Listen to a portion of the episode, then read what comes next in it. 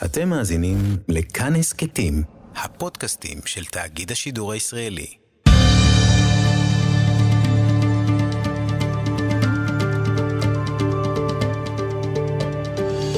כיוון הרוח עם בני טייטלבוים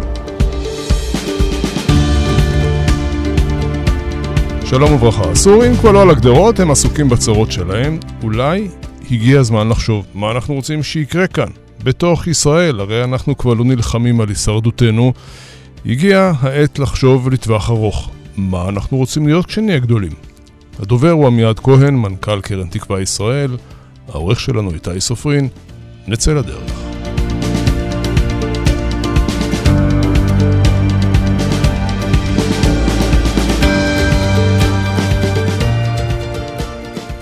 שלום עמיעד כהן.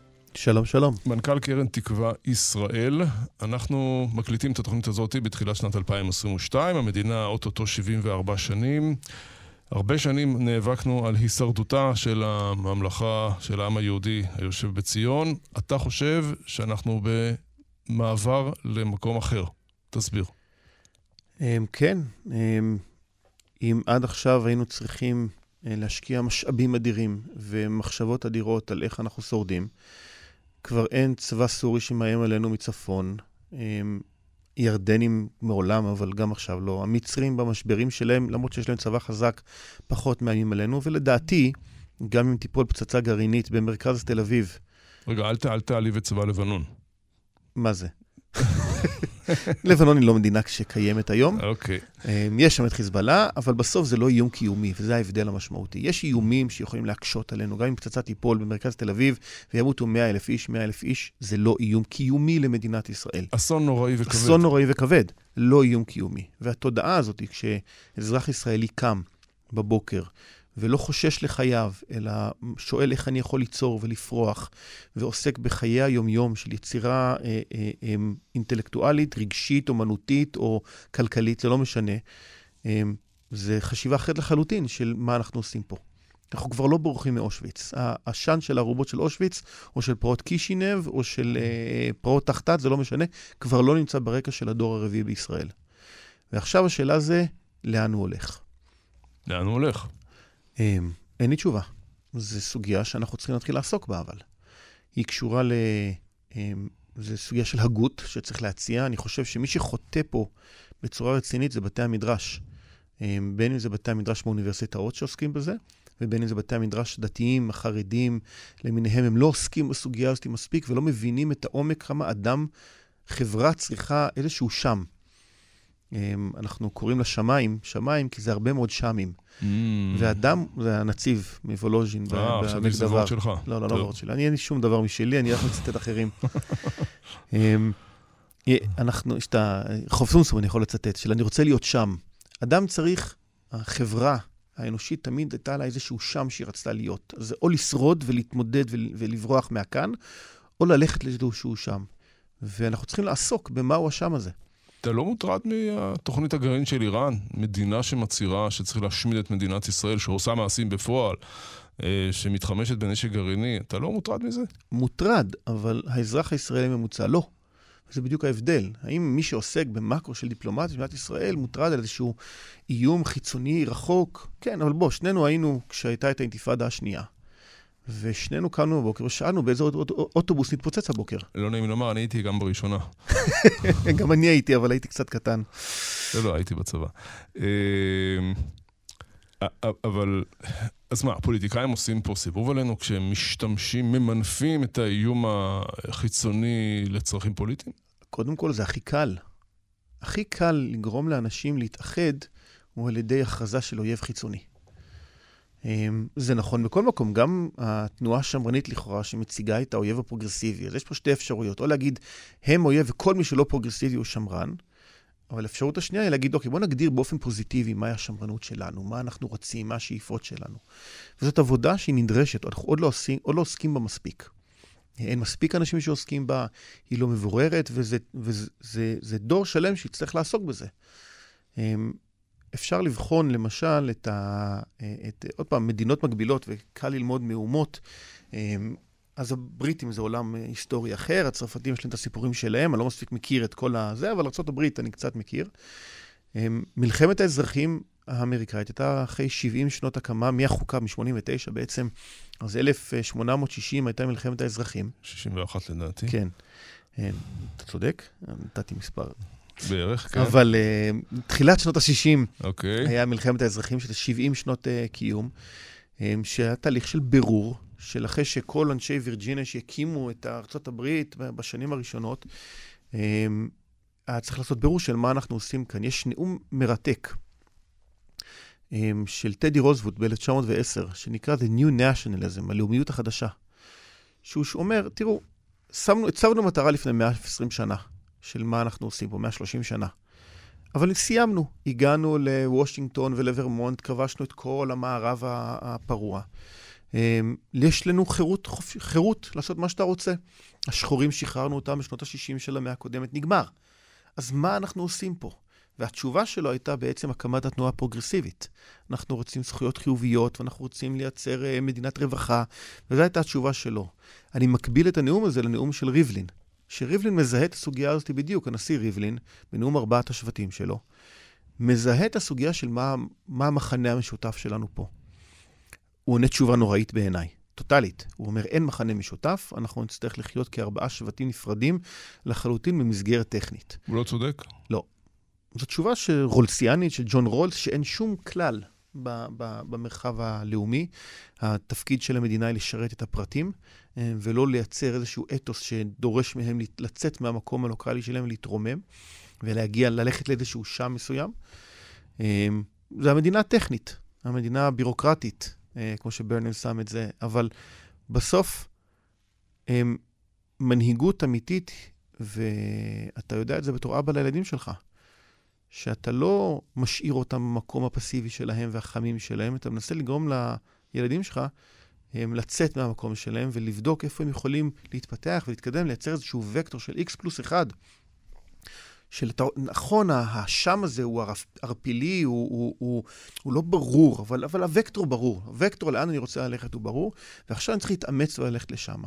והמנהיגות הפוליטית הרבה יותר קל לה להיות בייביסיטרית, להיות uh, פטרנליסטית כזאת שמשאירה אותך קטן, um, להגדיר לך איזשהו אויב חיצוני, מהם ואנחנו כזה, ו- ולפתוח את המלחמות האלה, ולא לייצר שאיפות גדולות, ולא לייצר חלומות ודמיונות ושאיפות שמובילות לאיזשהו מקום. עכשיו, צריך לזכור, דגלים כאלה שהורמו היו מסוכנים מאוד.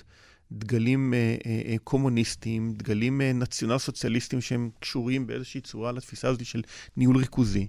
ולכן צריך ברור איך מצד אחד שומרים על חירות, מצד שני כן מציבים אתוסים שאנחנו שואפים אליהם. יגידו לך הרבה אנשים, אנחנו כבר שם, אדוני, אתה, איפה אתה חי? Uh, הכלכלה במצב מעולה, כלכלת המקרו לפחות. ישראל, אחת הכלכלות החזקות בעולם, לא ייאמן. Uh, אנשים פה חיים מצוין, לפחות uh, אנשים שחיים סביבי. לא לדבר על מי שעובד בהייטק כמובן, שהוא מרוויח המון כסף, והוא... הפער שהיה פעם בין ישראל, נגיד, לארה"ב, אנשים היו נוסעים, היו בהלם, מאוד הצטמצם.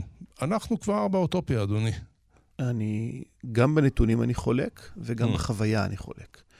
אנחנו עדיין 60% מהתוצר האמריקאי.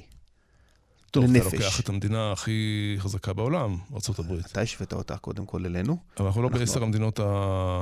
אנחנו לא בעשר המדינות המובילות בתוצר לנפש. הפריון לנפש הוא נמוך מאוד, וצריך לזכור שהכלכלה שלנו מאוד בינארית. יש את כלכלת ההייטק ויש את כל היתר. אמ, ובואו צריך לעשות סדר. התוצר לישראל קפץ, אנחנו בפריחה כלכלית, ואני אופטימי מאוד לגבי הכלכלת ישראל. אנחנו עדיין לא במספרים שמתקרבים לארצות הברית, עם כל הבעיות שיש שם, ויש להם הרבה בעיות ואינפלציה עכשיו, יש להם את הבלגנים שלהם. אמ, החוכמה היא עכשיו במדינת ישראל, קודם כל, איך מרחיבים את ההצלחה הפנומנלית של עולם ההייטק לכלכלה האחרת.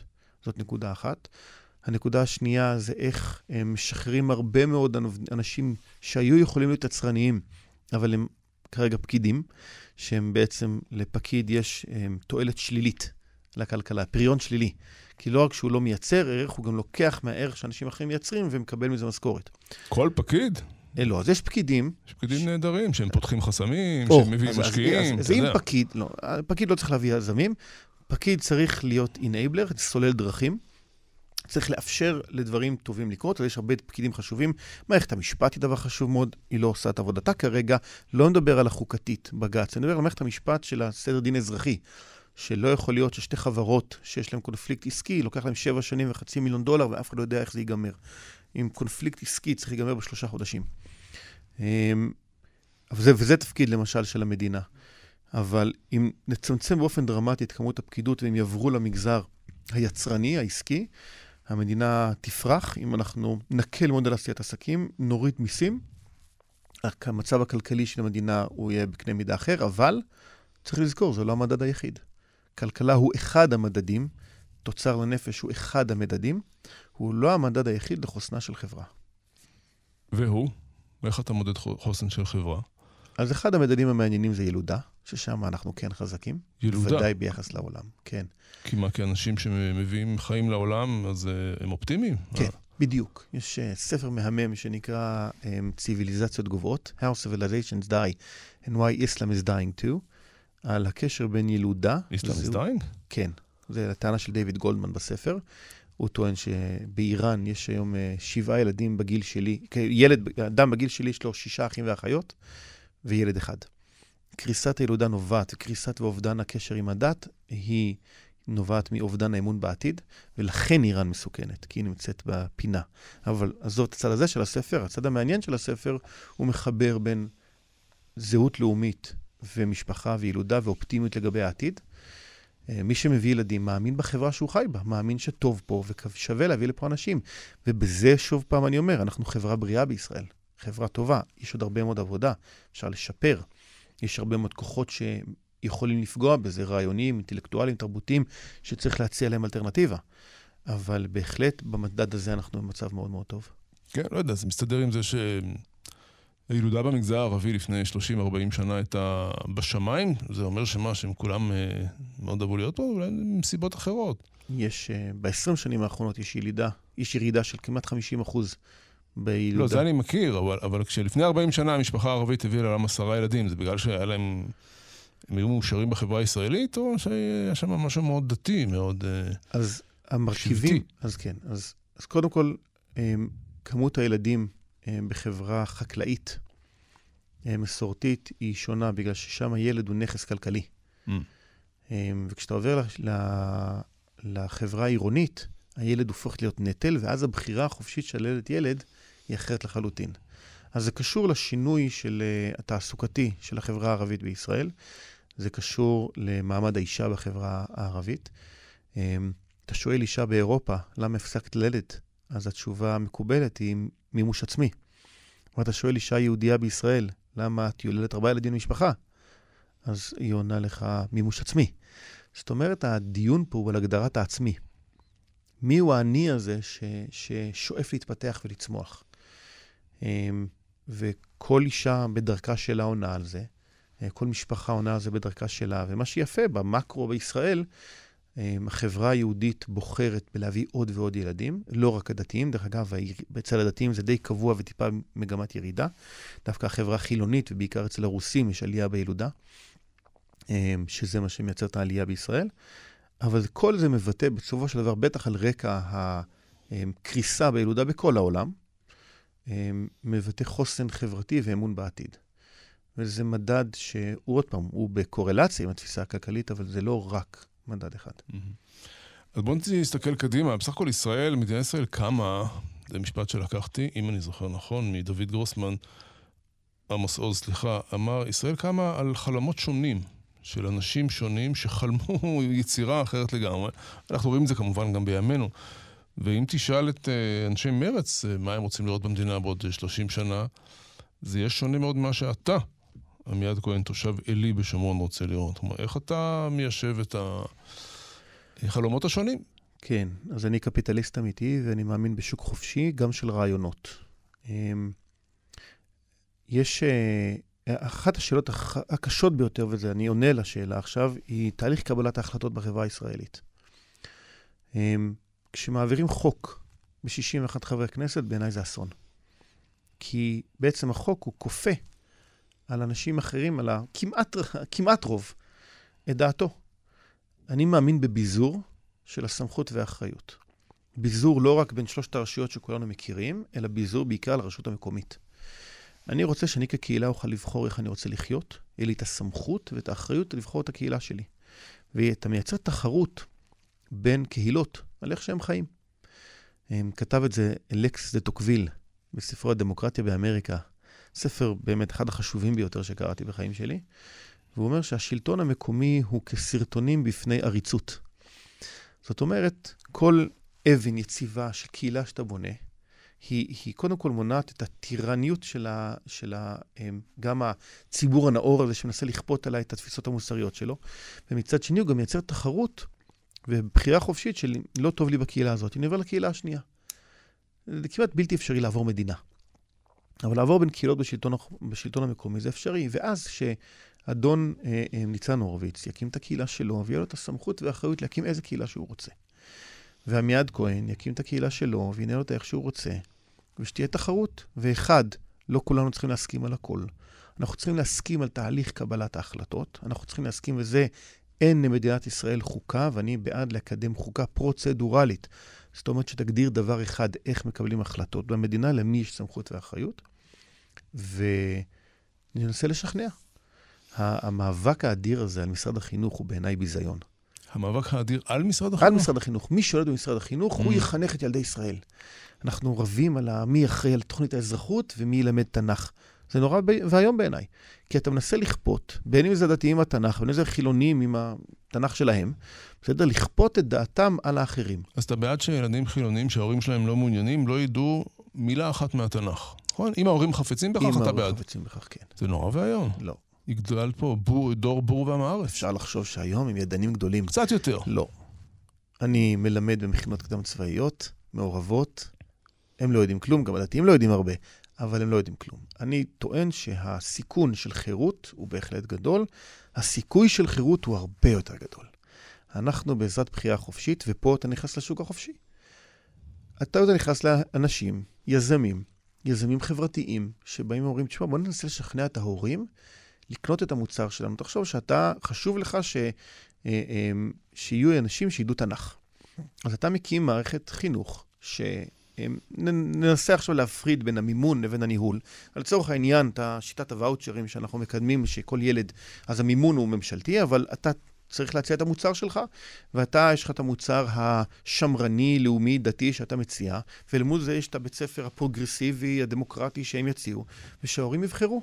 אני טוען שבמציאות כזאתי, רוב ילדי ישראל יבחרו בבית ספר שלך, ואתה תצטרך למצוא את עצמך איך אתה מסביר את זה יותר טוב, איך אתה מדייק את המוצר שלך, איך אתה מתאים אותו אליהם. אמ, כן, אני mm. חושב שהשוק החופשי רק יגביר את הזהות הלאומית של המדינה. אני אגיד לך מה, עוד משהו שאתה מזכיר המון פעמים, זה נושא הקהילה. עכשיו, אני אדם דתי, גר במודיעין, יש לי אחלה קהילה שבעולם, שזה באמת תחושת שייכות מאוד חזקה. אנשים דתיים באופן כללי חיים בקהילה, כי הם הולכים בבית כנסת, אה, ויש להם איזו קבוצת השתייכות מאוד חזקה. רוב האנשים בישראל הם לא דתיים, אין להם קהילה. והמוסד החשוב הזה שנקרא קהילה, שאתה מדבר עליו המון, הוא לא רלוונטי לרוב האנשים בארץ. לעניות דעתי. אני, אני נוטה להסכים איתך, ולא רק אני, מייקל סנדל, שהוא... זה, כיוונתי לדעת גדולים ממש, נו. אתה מכיר את מייקל סנדל? אני אכיר, תכיר, אז מייקל סנדל הוא אה, מרצה בהרווארד, איש שמאל, אבל הוא מהליברלים הקהילתניים. הוא מבין... ש... ליברלים הקהילתניים, אוקיי, אני צריך להבין את המושג. זאת אומרת, ליברל הוא שמאל, בסדר? הוא נמצא בשמאל הפילוסופי, האינטלקטואלי, אבל הוא מבין שבאופן אמפירי אי אפשר לחיות בלי קהילה. ואחד האתגרים הכי גדולים, בואו נדבר עכשיו על ישראל, זה איך מייצרים קהילה בלי בית כנסת. או, זה יפה. זה אתגר אדיר. אגב, אצלי ניסו במודיעין, אני לא יודע, יש, יש חבר'ה חילונים שאמרו, בוא ניפגש קצת, או, אה, נשיר אני... קצת, קבלת. או, אז אתה כבר הגדרת את התוכן שאתה מייצר בפנים. אני שואל, אני טוען שקהילה זה אינטראקציה יומיומית קבועה. כשאתה הולך לשחס מנחם מאירי, ואתה פוגש את החבר'ה, ונוצר הרבה מאוד תהליכים סביב המפגשים ההכרחיים האלה. האלטרנטיבה בעיניי היא, אמ, ומתאים בדיוק לשיחה הקודמת שלנו, מערכת החינוך. מכיתה א', ועד שהבן הבכור שלך, או ילד, בת הבכורה שלך, התחילה כיתה א', ועד שהקטן שלך או הקטנה שלך תסיים כיתה ח', כמה שנים יש בין לבין? נניח סדר גודל של בין חמיש- בין 15 ל-20 שנה. בהחלט. אם אתה, עם הקהילה שלך ביחד, מקים את הבית ספר ומעורב בתהליכים של הקמת הבית ספר, ואתה מעורב, והמורים עובדים אצלכם, ואתם הקהילה מנהלים את הבית ספר ואת כל המעגלים סביב זה. זה, זה לדעתי אחד הפתרונות המרכזיים לניהול של קהילות וולונטריות במרחב העירוני בלי בית כנסת. בלי איזשהו הכרח. כי יש משהו שמשותף לכולנו, וזה האחריות על חינוך הדור הבא, הילדים שלנו, שזה המעגל זהות הכי קרוב לאדם, ואנחנו בוחרים להיות שותפים לזה. עכשיו, לא כולם יהיו שותפים, וגם לא כולם שותפים במניין שלך. זאת אומרת, יש את הגבאי ואת החבר'ה שהם בזה, ויש את המעגלים מסביב, אבל הם נספחים לזה. ואני חושב שהפתרון באמת המשמעותי לבניית הקהילה, היא דווקא הפרטה של מערכת החינוך. כי אז אתה מעביר את הסמכות והאחריות להורים. והקשר הזה בין סמכות לאחריות, או המעורבות של המדינה בחברה, והמחיר שהחברה משלמת על ההתערבות של המדינה, כי תחשוב הפוך, פעם אנשים היו אחראים על החינוך של הילדים שלהם, והם הקימו את הספר. ואז הגיעה המדינה והקימה את מערכת החינוך הממלכתית, והיא פירקה את הקשרים הבין-אישיים האלה. ואם אנחנו נחזיר את זה, בעזרת השם, תחזור הקהילה. ובעזרת הרבה מאוד עבודה של הרבה מאוד אנשים ביום-יום שלהם, כן? אמ, זה אחד הפתרונות. אותו עיקרון גם נמצא ברווחה. אם אתה פותח את הדלת בבניין שאתה גר בו, נניח אתה גר בבניין, אתה פותח את הדלת ואתה שומע צעקות מעבר לדלת. ועכשיו יש לך שתי אפשרויות. לבוא ולהגיד, אכפת לי ממה שקורה שם, אני לוקח אחריות על הקהילה שלי, או שאתה אומר, תשמע, לא, עובדת סוציאלית תטפל בזה. outsourcing לחסד. Mm, הבנתי. אני רוצה שיהיה אכפת לך מה שקורה מעבר לדלת. חמותי עליה שלום, אמ, ניהלה בנהריה ארגון חסד ל-130 משפחות מהמגירה אצלה במטבח. כי היא הצליחה לייצר מערכת של עניין ועיסוק במה שקורה לאנשים מסביב. ואני ראיתי את זה, אני רואה את זה עדיין כמודל לאלטרנטיבה למדינת הרווחה. שהמחיר שלה הוא פירוק הקהילה ופירוק הקשרים הבין-אישיים, פירוק הצורך של האדם להרים ראש החוצה ולהגיד, אכפת לי ממה שקורה סביבי. מה שהשמאל קורא לו סולידריות. איפה אתה, איך אתה פותר את העניין של אה, דת, דת ומדינה, אה, פרהסיה, הרי רוב הציבור בארץ הוא לא דתי, ואז אתה מקבל אה, חמץ בבתי חולים, אתה מקבל אין, אין שמירת שבת, בצה"ל יאכלו טרף. אם הכל זה לפי הקפיטליזם, יחליט הרוב. אז א', אני בעד תחרות. זאת אומרת, אתה הנחת כרגע שאם לא יהיה חוק שמחייב בית חולים אה, לאכול כשר, אז יהיה שם טרף. אבל זה לא נכון, כי הציבור רוצה כשר. והציבור רוצה כשר לפסח. אולי זה ישתנה, אתה יודע. אבל אם, הרי מה קרה? בית המשפט אסר על בתי חולים למנוע, למנוע כניסה של חמץ. אבל אם לבית החולים יהיה את הסמכות ואת האחריות להתייחס ללקוחות שלו כמו שצריך, אז הוא יעשה את הבחירה שלו, ואתה כחילוני או כדתי, תבחר על איזה בית חולים אתה רוצה ללכת. עם שקלול שלם, הרי אנשים דתיים הולכים לבתי, לבתי חולים גויים בארצות הברית, למרות שיש שם חמץ. זאת אומרת, המציאות היא הרבה יותר מורכבת, והניסיון לכפות דרך המדינה את דעתי על האחרים, היא, היא הדבר הנורא פה. המשפט, המשפט הוא הפרדת דת מחקיקה. וחיבור דת למדינה. זאת אומרת, או אמונה למדינה, כי דת זה חוק. אני רוצה, הניסיון לחוקק חוקים שכופים את דעתי על האחרים, היא הדבר הנורא בעיניי. זה לא משנה אם דעתי המוסרית לגבי להט"בים או דעתי המוסרית לגבי חמץ, זה אותו, זה אותו דבר. שניהם תפיסה מוסרית. שניהם ניסיון להשתמש בכוח של המדינה לכפות תפיסתי המוסרית על האחר. חקיקה צריכה להיות מוגבלת לדברים שמוסכמים על 90% מהחברה, 85% מהחברה שהם, ואז מגדירים אותם כפליליים. כל השאר תן לקהילה, תן לשלטון המקומי להחליט מה טוב להם. אצלך בקהילה במודיעין אתם רוצים שלא ייסעו בשבת, תפאדל.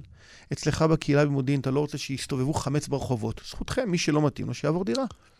כן, לא, שוב אני חוזר לפרהסיה, כי, כי הפרהסיה, רוב האנשים הם לא... הם לא שומרי שבת, או לפחות לא כמוני, ואז אתה תקבל שהבן שלי בצבא יצטרך לחלל שבת, כי, כי רוב החיילים הם אה, זה. אז הפרהסיה שאתה מדבר עליה היא הפרהסיה, ה... יש פרהסיה מקומית ויש את הפרהסיה שנקראת הצבא. הצבא זה גוף ממלכתי, והמרחב הממלכתי גם, לשיטתי, צריך שיהיה לו איזה שהם ביטוי אה, אה, אה, מסוים, זאת אומרת, הצבא ימשיך להיות כשר משתי סיבות. א', כי אנחנו מדינה יהודית, אבל מצד שני, אם אתה רוצה שחיילים יהודים ישרתו בו, שומרי, שומרי שבת, אז הוא יהיה חייב להיות כשר. Mm. ולכן, משתי הסיבות, הצבא יישאר כשר, והניסיון, האמירה הדמגוגית הזאת, שהצבא יאכל טרפות, זה לא נכון. חוקי הכשרות פשוט רוצים לשרת את החיילים הדתיים, כי היום, לצערנו הרב, אבל לשמחתנו גם, הם, רוב החיילים הם דתיים בצורה זאת או אחרת, מסורתיים יותר. על הספקטרום, אוהבים להגיד. יש מדינה שזה קורה, כל מה שאתה מתאר כאן?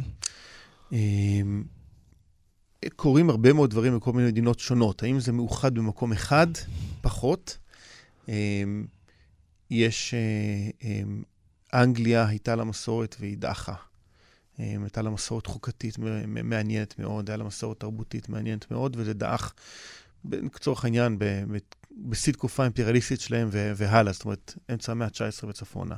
ארה"ב עד uh, תחילת המאה ה-20 הייתה מאוד מאוד חירותית בתחום הכלכלי, והייתה מאוד מאוד דתית בהתאמה, כי הייתה הפרדה בין המדינה לבין הכנסייה, לא בין המדינה לבין הדת. היא הייתה ד- מדינה מאוד מאוד אמונית בתפיסה הכנסייתית. אמ, אבל אני לא מכיר מדינה שזה חי בהרמוניה. אמ, יש מדינות מזרח אירופאיות, הונגריה עכשיו במערכה מאוד מאוד דומה למה שאנחנו מנסים לעשות, אבל החברה שם מפורקת, הם לא מצליחים לפתור את בעיית הילודה. אתה יודע, אם יש לך שלושה ילדים בהונגריה, אתה לא משלם מיסים.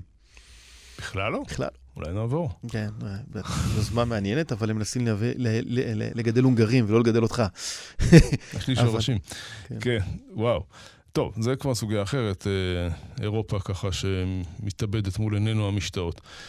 אה, טוב, אתה אופטימי, עמיעד כהן, לגבי החברה הישראלית אה, באשר אה, למעבר שלה מהישרדות ל... איך קראת לזה? לשגשוג? כן. כן? אה, א', אני. אופטימי מאוד, אבל האופטימיות היא לא אופטימיות נאיבית, אלא אופטימיות של לקיחת אחריות גדולה מאוד על להוביל את התהליך הזה, הוא לא יקרה מאליו.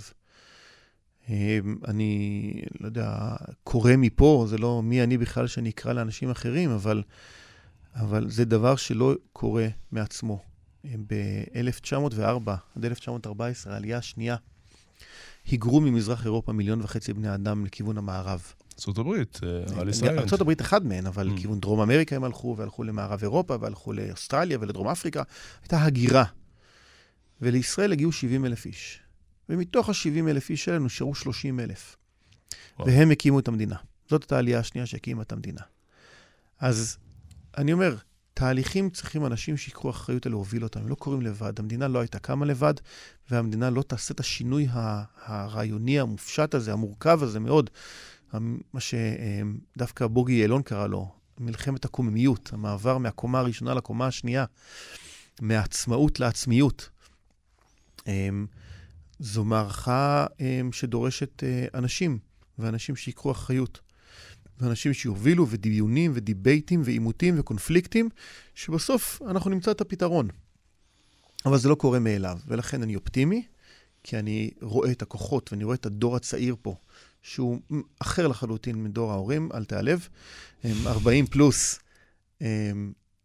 דור אחר, ו-40 מינוס זה דור אחר, גם בחברה החרדית אגב. אני רואה דור אחר, שם זה 30 מינוס. זה דור אחר לחלוטין, שמדבר בשפה אחרת, אבל הדברים האלה לא קורים לבד. נשאיר עוד פרק לעוד אה, עשור. סגרנו? בשמחה, תודה רבה. עמיעד כהן, תודה. מנכ"ל קרן תקווה ישראל. תודה לך ותודה לעורך שלנו איתי סופרין. אפשר להזין לנו באתר כאן, ביישומון כאן ובכל יישומוני ההסכתים. אני בני טייטלבום, שיהיה לכם רק שגשוג. תודה ושלום. כיוון הרוח